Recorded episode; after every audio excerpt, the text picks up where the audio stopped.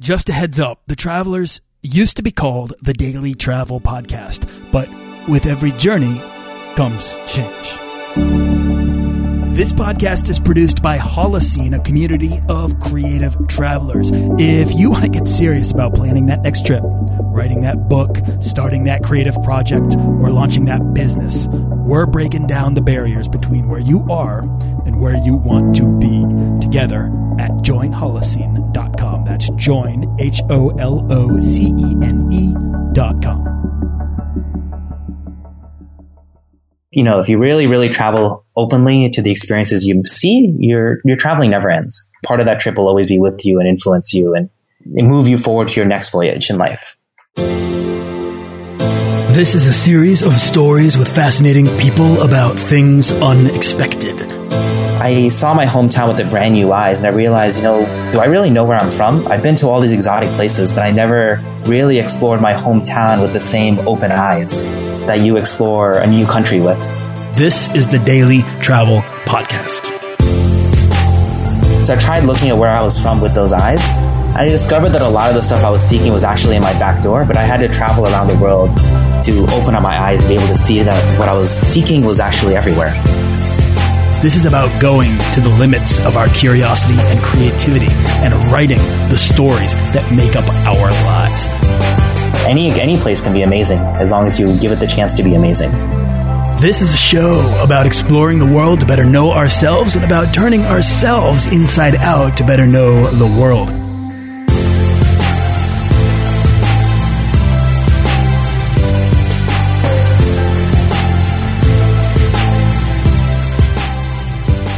Can travel in differing ways break you away from shyness and naivety? Um, I know the answer to this, and so does today's guest, who spent a year on the road searching for purpose and personal growth. Nithin Kokka is a freelance writer and social activist, as well as the author of the book Traveling Softly and Quietly, uh, a young man's journey for meaning on and off the beaten path, which you can pick up a copy of now if you're interested after we have this chat. Nithin is an Indian American from Southern California with a lifelong travel bug, and his works have been featured in many international and online publications.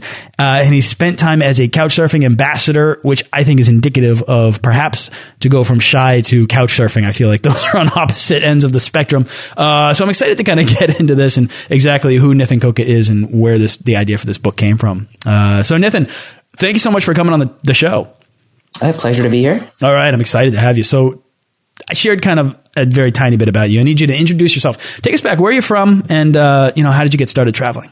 I think you said I'm from Southern California, which is partly true. I've lived about, I was born out there and I lived about half my life in California. Um, but I've, I kind of grew, grew up as a nomad. My parents move around every three or four years. Um, so I think part of the shyness stemmed from the fact that it was really, really tough for me to adjust. When I moved to a new city, it would be take forever for me to make friends. It'd take me a long time to get settled. Um, and I don't know why, but for some reason I decided to take that experience and take it to the extreme as a traveler where I'm always going to be faced with meeting new people and, um, challenged, um, as a way to break out of my shyness. So the, the first time I went abroad, I was 19. I went to France. I didn't know anybody in all of Europe. And I thought if I just go there and force myself to be in a situation where I can't just pull up in a bowl, I have to like be out there and be social. I'll break out of this bubble and finally get to ex- learn about who I am and learn about the world. So you're 19 and you go to France. Were you studying abroad or was that solo travel? That was a study abroad trip, yeah. Okay. And so that was a group trip, right? Um, it was a group trip, but I didn't know anyone else going on the trip take us with you. Like, what what would happen in France then? I mean, this idea, this making this connection of travel as a way to sort of uh, to leverage your travel experiences for personal development and to try to grow out of this person that you know that you are, but you want to be something more or more capable. Um, how how did you make the connection between travel and, and this desire? Oh, I guess there was two sides of it. Um, one side was like, obviously, I thought it was a way to improve my character. The other side was um, I always felt since I was growing up that the world is bigger than my backyard, is bigger than my community. Um, and I wanted to find a place where I fit in. Um, therefore, like going abroad when I was young and just putting myself in a situation was like a way to figure out what the world really was and figure out a place where I fit in and also figure out how I can make a difference in that world.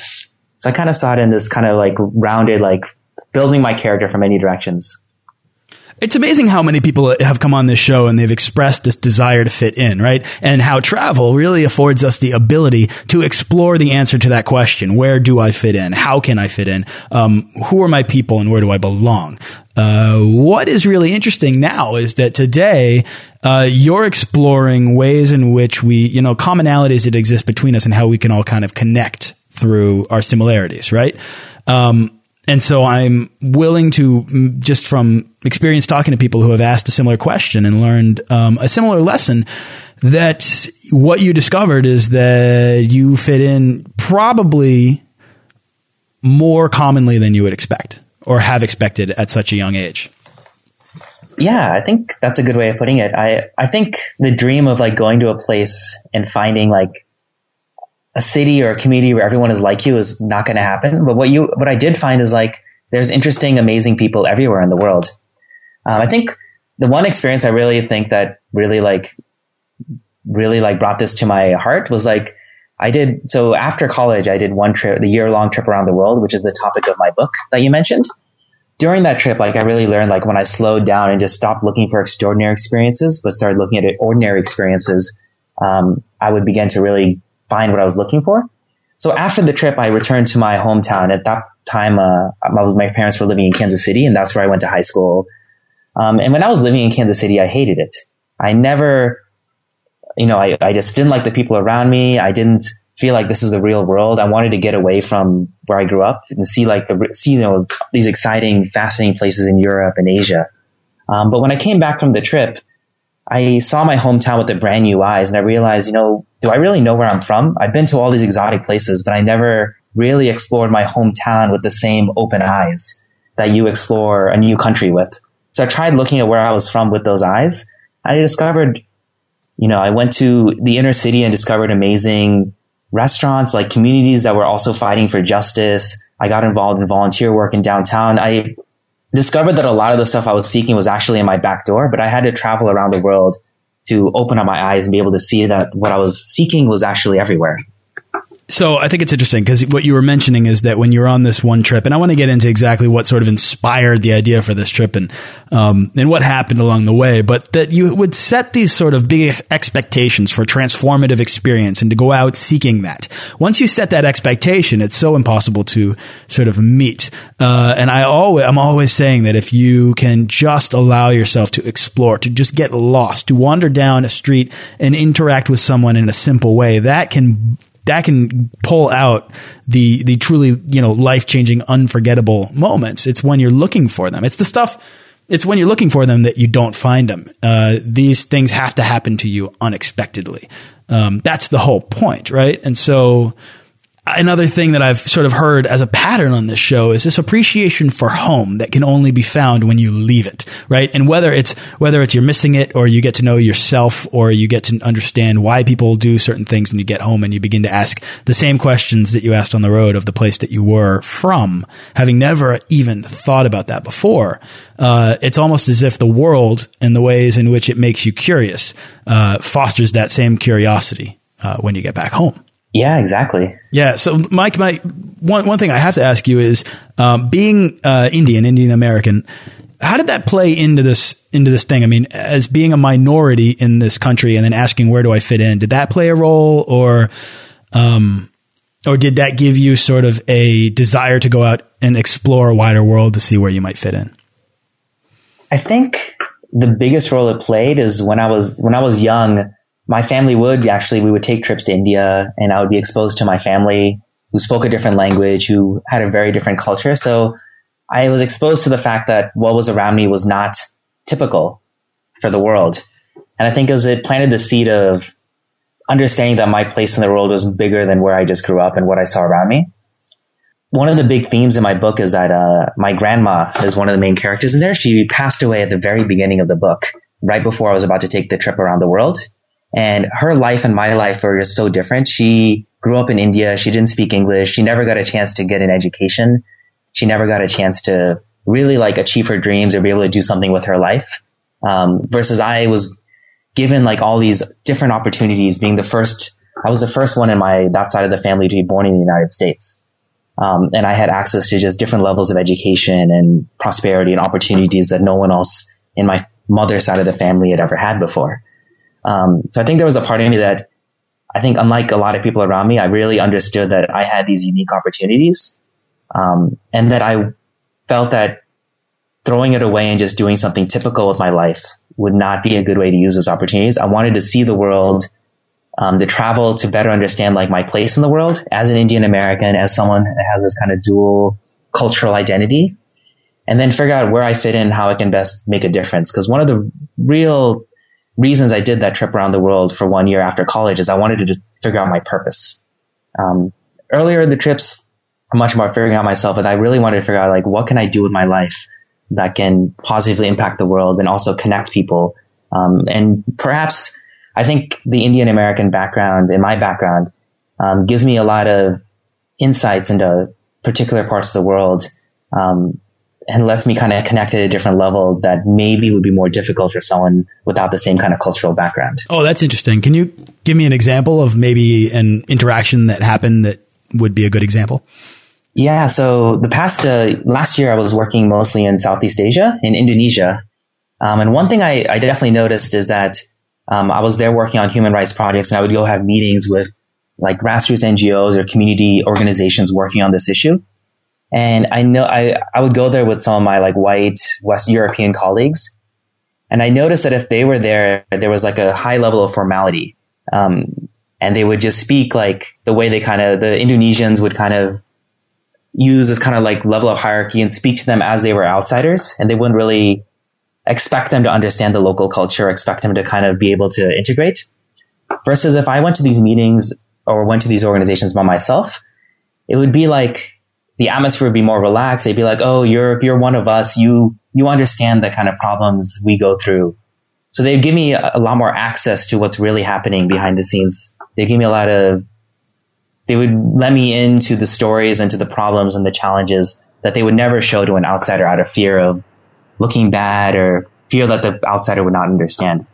It's a positive and negative at the, at the same time because there's a negative that sometimes I don't get the same kind of respect when I come in. I don't feel like they prepare and they don't treat me like a VIP. But the other side, I get access to information and knowledge that I don't think I would if I was getting that VIP treatment.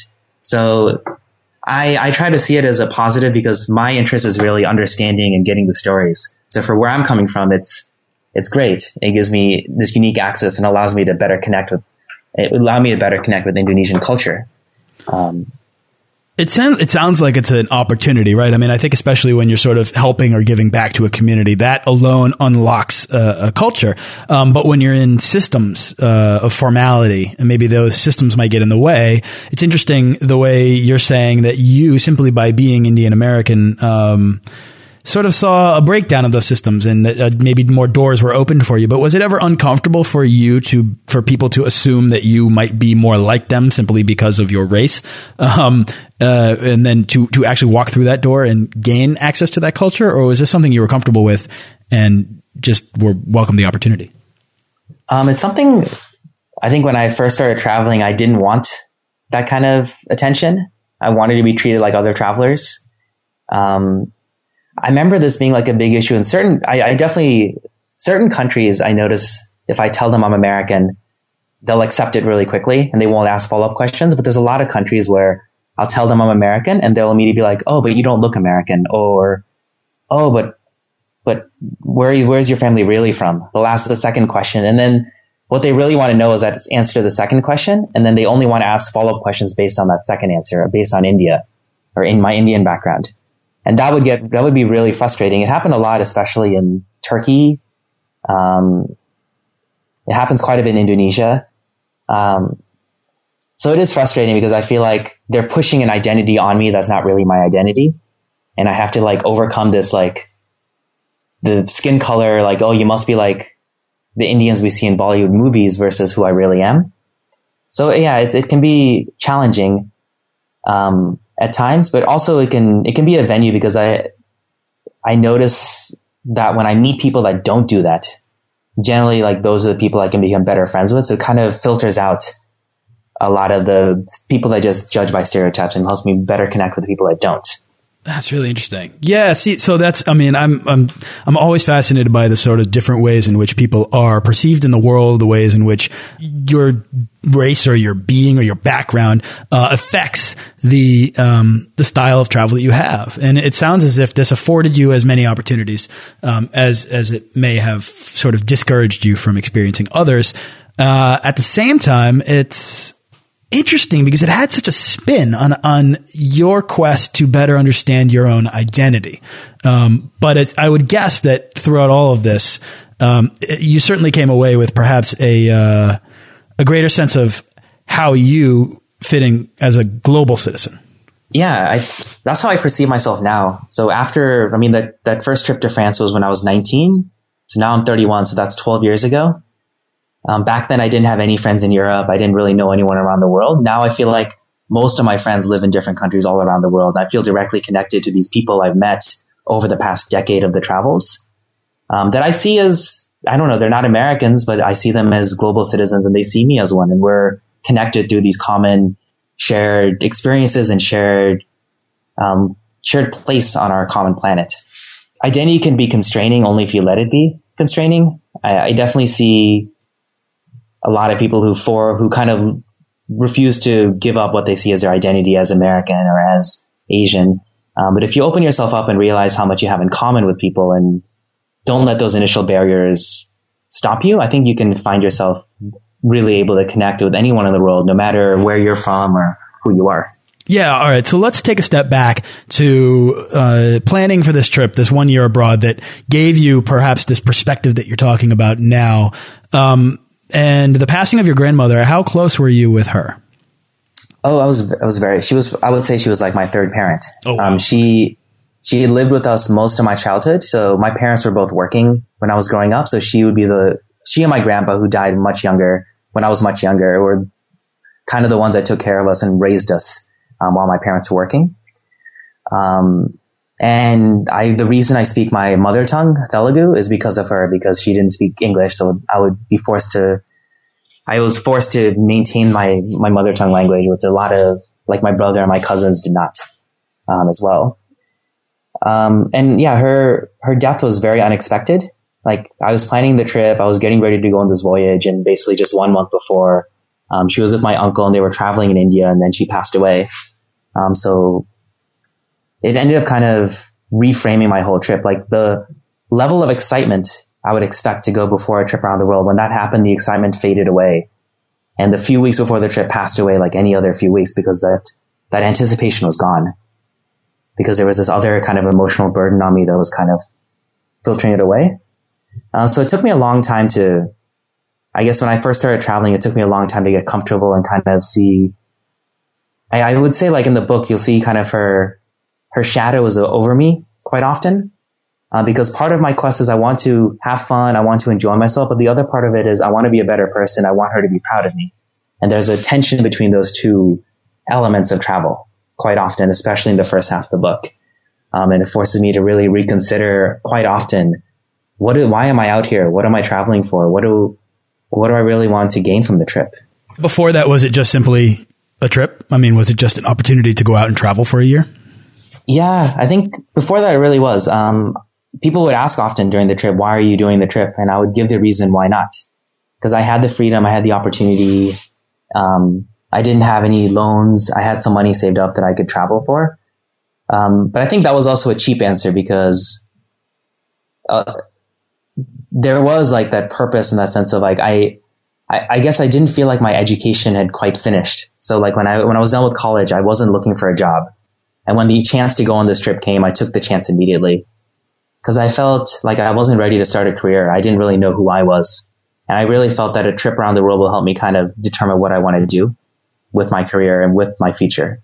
So there was both sides. Like, why not have this experience, which I think it was a unfair expectation. Like I kind of, I expected the trip on its own to figure out my future for me, but the trip can't do that. Only you. Can. Yeah. Did your grandmother know about the trip? She did know about it. Yeah. What were her thoughts about it? Was she encouraging? Um, I think she was motherly. She was very concerned, like a mother. I think uh, I heard I heard that she told my mom to tell me not to go on the trip.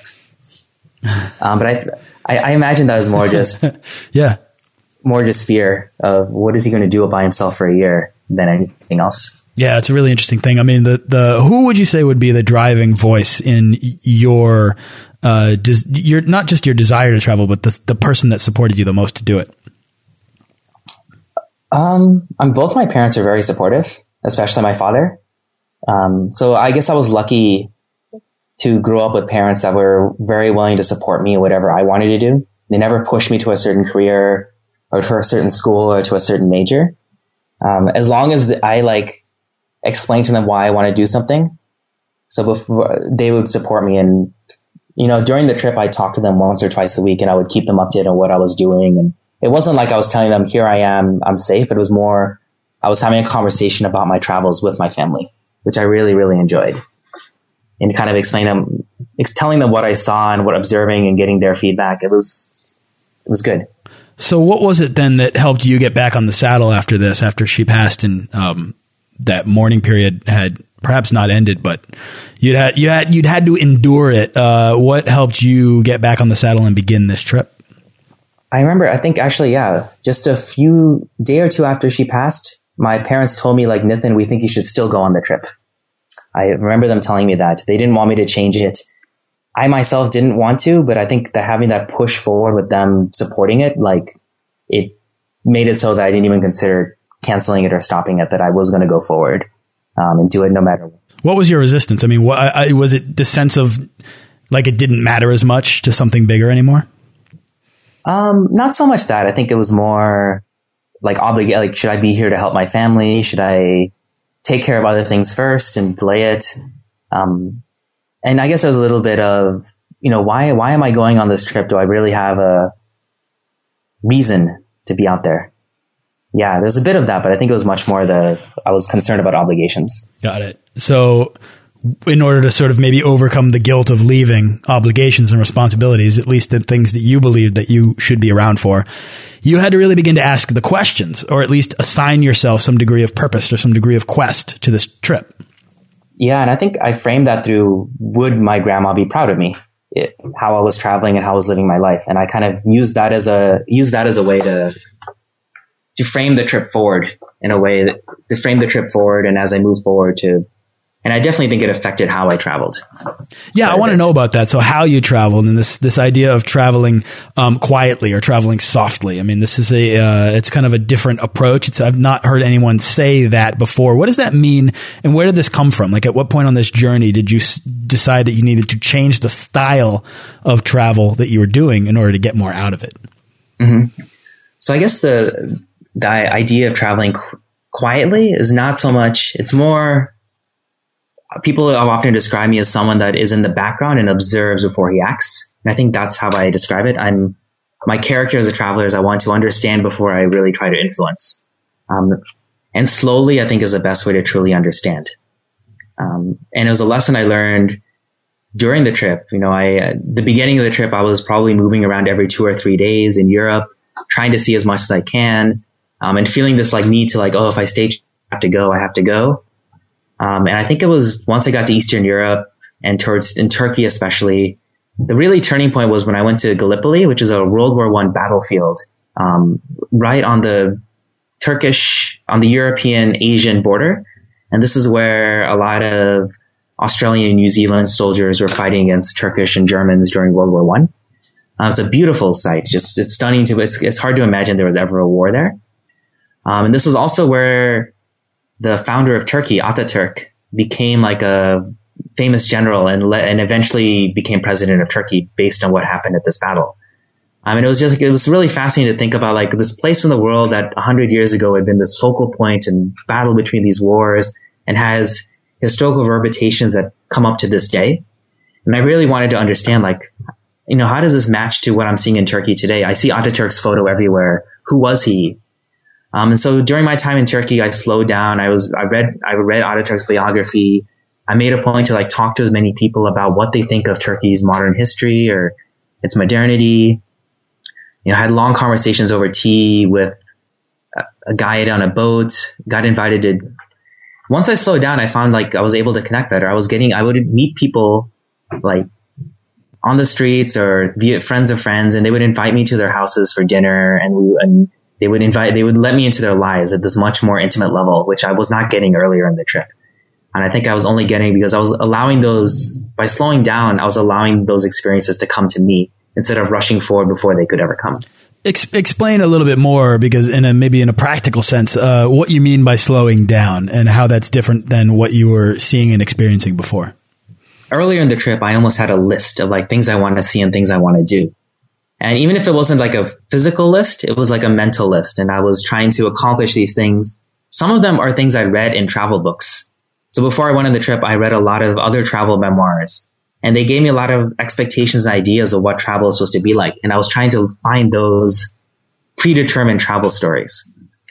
I think what changes like your travel stories, those books, they often are telling the best, like the best experiences that these people had. And if you compare your experiences always to other people's best experiences, you're never going to be satisfied. You're only going to be satisfied if you just take your own experiences for what they are and look at them from a personal lens.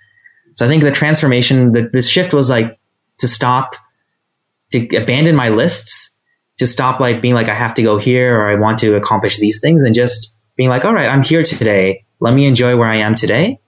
And then tomorrow, if I'm still enjoying it, I'll stay.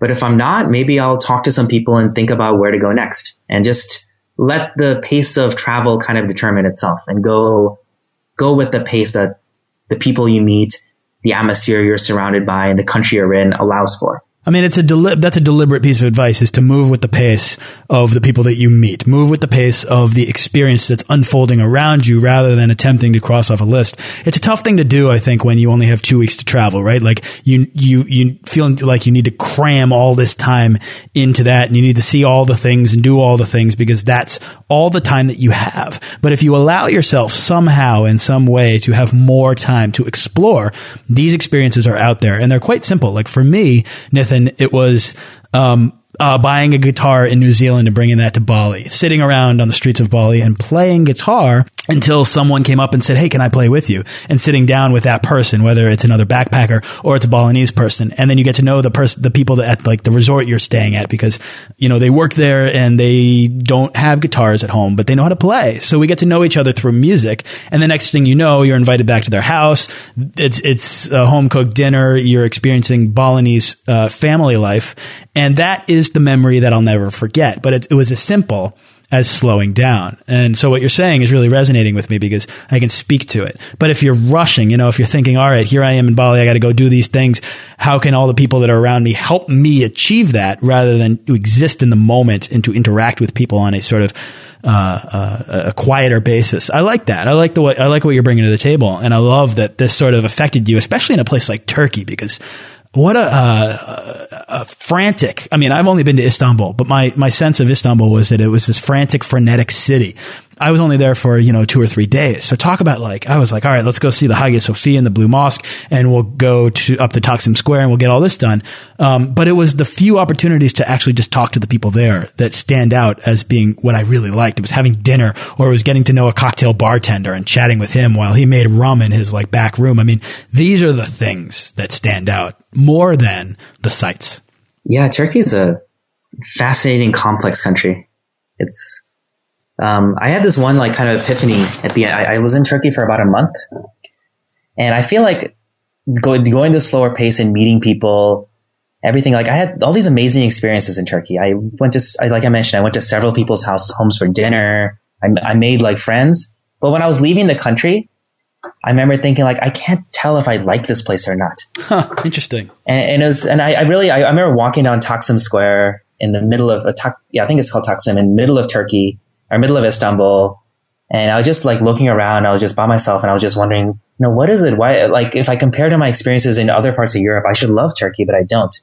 And I, I realized later that, realized as I was walking down that street, that the reason was is that I actually understood the country more intimately, which means I, I saw the good and I saw the bad. Um, and when you really understand the complexity of a country, you can't really say you like it because it's like and dislike are two simple terms for when you really know a place.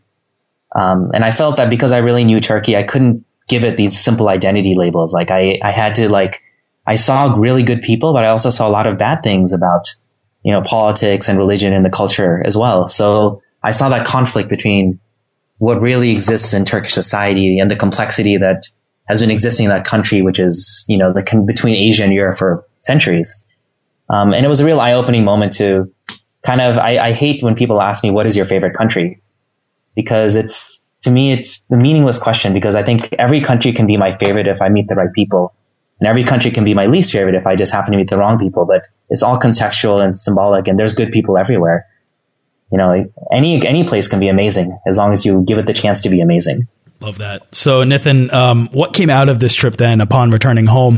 What were the, the, aside from maybe the styles of travel, I mean, a book was obviously one of them, but was a freelance writing career something that you were even thinking about before taking this journey? Um, not really. I had the goal of writing the book. Um, so I, I, you know, I kept my journal every day during the trip and I came home. It took me five years to write it. So it was a much more difficult process than I expected. Um, but actually, the funny thing is, I think during that five year process, my writing improved so much because I rewrote the book several times. I got a lot of feedback. That was after the five years and after I published the book that I think my writing had improved to the level that I could do freelance writing. And that's what I've been doing since. Um, I also kind of ironically, I think the travel book, it's a travel memoir. I don't think it's my, my friends who read it and the people I've heard back from, they feel like it's more of a memoir than a travel log. So it's much more about a personal journey. Um, I think I realized I don't really like travel writing from writing this book. That I, that's why most of the writing I've, and I don't think I like travel writing because I don't really like describing places and kind of putting it through the lens of a traveler. I like describing, I'm really interested in culture and history and society. And my freelance writing has actually shifted more towards writing about those topics, which involve travel because it's usually the places I'm traveling about that I'm writing, but I'm not really writing about travel. Interesting. You know, someone once said on this show that travel, and he's a, he's a very accomplished travel writer, and he said that travel is a mirror, and it's in that sense that when you find a, let's say, a, uh, frenetic city like Istanbul or something out there, you also find that same thing inside yourself because it's about the ways in which you resonate with the place that you're in. And so I think it's interesting because it's, yeah, I think I, have always felt, or at least I've, I've come to learn that I think travel writing is, it's a, it's a general, it's a general way of describing writing about understanding perhaps yourself or the things that you find out there that are the same or different from you. Um, and it sounds like that's kind of what you're doing. Like you've, you're leveraging exactly your, your experience to speak more knowledgeable about your beliefs and yourself and to be yourself back home. Mm -hmm. So for me, that's a, yeah, that's a form of travel writing, which I like. Uh, uh, so exactly then, I mean, aside from maybe perhaps the confidence to be yourself, to know who you are and to leverage that for good, um, your website also lists yourself, lists you as a social activist. Um, and so aside from this, this book out there, I mean, what, what are the things that, um, drive you now that you've taken away from travel, uh, and applied to your career? Yeah, I guess the main thing is that, um, as I mentioned, you know, traveling allowed me to feel more personally connected to people around the world. Um, and there's a lot of problems all around the world. And I think being more connected to them also made me kind of built a drive within myself to also try to do something to help solve these problems. Um, so like since, since that trip, I've mostly been working on environment and human rights issues for NGOs, both in the United States and around the world. Um, so I mentioned I went to Indonesia last year. I was working on a, for a group that was focusing on human trafficking issues. Um, Indonesia is, is ironically is a country I didn't go to during the trip around the world, but it was a country I've always been fascinated by because of its complexity and its size and its the fact that very few people know as much about as they should, considering its what I think is its importance. Um, so I was out there working with local NGOs. Um, my travel experience definitely helped because I feel like I have a better ability to maybe that kind of softly and quietly and softliness I have a better ability to kind of manage and deal with these complex, unexpected situations that arise when you're working in countries where people just have a very, very different way of operating. Um, that cultural sensitivity, which I don't think I would have been able to gain had I not traveled around the world for a year, um, comes in so important quite often. Um, and I think for me, it's a way of combining what I wanted, you know, when I traveled, it wasn't just to experience and have fun. I wanted to see my place in the world and being a social activist allows me to find a place in the world and then now travel with a greater sense of purpose, which Um, I when I go abroad now, I really want to see something, see, learn, or do something positive. I'm not just. I, I think my traveling has shifted. I'm not there there to learn about myself. There is part of that still, but I also want to, you know, I want my presence to have a positive impact in some way. I want to, when I go to a country, I want there to be people to meet that can inspire me and I can help them or something I can do that can raise awareness about an issue like human trafficking or the environment. Um, or just something I can learn that can help expand my knowledge and my ability to perhaps in the future figure out how to connect this country's problems to another country's problems and perhaps bring awareness about positive change. Um, so it's kind of the different way I think of my travels involved over the past decade from that. Is that something that you work into the uh, planning process for a trip, or is this just something that you uh, attempt to inject into your experience? Nowadays, I try to uh, in, involve this in the planning process of a trip. Um, so the most recent trip I did, I went to India and Burma um, about a month and a half ago is when I got back. Um, and when I was in India, I went to Delhi. Uh, I have a friend there who's an activist for like a poverty activist. Um, so when I was there, I asked him to like, you know, take me to your office and introduce me to your people you're working with and introduce me to your allies so I can get a chance to sit down and talk with them. So when I was there, I was, you know, having dinner with people that are going to, like one person I met, um, he was going to go to the field like the next day to try to rescue 20 people that were work, working as slaves in a factory. So I got to like really just hear like, you know, you, one side of India, you hear is like this changing dynamic country, but he, they were showing me this other side of exploitation and human rights and, um, telling me about, you know, going to the Supreme Court and arguing to protect Rohingya migrants from Myanmar. Um, so I was getting a, I planned it out and was able to kind of really, I learn a ton and be able to understand a really different side of society that I hadn't seen before. Interesting. I, I, love that. I mean, I think that that's the kind of stuff that comes from the experience, the uh, the confidence in yourself, developing a global mindset, uh, having an adeptness to managing challenges, um, and then this desire, this sort of desire to, leverage all of these skills that you've gained from growing as a person on the road into the things that you do and to make a change uh, in the world, positive. I like that, man. Like that that to me is it's uh, it's inspiring to hear, and it's also um, refreshing because I think so often. Uh, I don't know. So often people do travel perhaps loudly or um, with a different focus than how you can help. And uh, yeah, and I just wanted to say like, yeah, I just want to say like one of the themes in the book is this whole idea of coming home. I don't think I ever came home from that trip. Like I think traveling has always been part of my life ever since I first set on that voyage. And I never wanted to come home and end the trip. I always wanted travel to be part of who I am. And I think that's what I think is missing a lot of times when I hear other travelers, they go on a trip and then they come home and the trip is over. But I don't think, you know, if you really, really travel openly to the experiences you see, your, your traveling never ends. You're always going to be part of that trip will always be with you and influence you and help you move you forward to your next voyage in life. So true. I mean, I completely agree. I remember sitting uh, I remember my mother telling me about how she remembers sitting in the airport because she had driven me to the airport when I was taking you know a year off to go around the world, and she said that she'll never forget that moment because it was the last time she ever saw me like that. And then when I got back from my trip, I was never the same again. And it's not that I was drastically different or came home with tattoos or piercings or something. it was that you know I suddenly had this new sort of burn to make travel a greater uh, play a bigger role in my life. This sort of greater capacity within it, became uh, sewn into my identity, and um, uh, that I, I think it just rearranged my priorities. It, it, has changed all of my thought processes about how and what I'm going to do with my life. Um, so what you what you're saying resonates with me, Nithin. We're out of time here. I need to uh, I need to wrap up though. Um, is there anything else that you'd like to add to the conversation uh, before we do? Um, just that uh, my book is on Amazon, so I encourage everyone who wants to learn more about how you can travel softly and quietly to take a look. Or there's plenty of excerpts on my website as well. Yeah, love that. So it's traveling softly and quietly. And where can people then go to find out more about you? Um, they can just go to my website, nithincoca.com. Cool. And that's Nithin, N I T H I N, Coca, C O C A. All of this will be in the show notes for this episode. Um, Nithin, what's exciting you the most right now? Where's your next trip or, you know, what's your next project? Um, I'm in between trips right now. So my, my project at the moment is setting up a U.S. base um, in, in the Bay in the Bay Area, and then once I get my base set up, I'm hoping to be able to return to Southeast Asia. Um, I do have an idea to do a project potentially exploring the impacts of palm oil this summer, which I'm waiting to hear back on.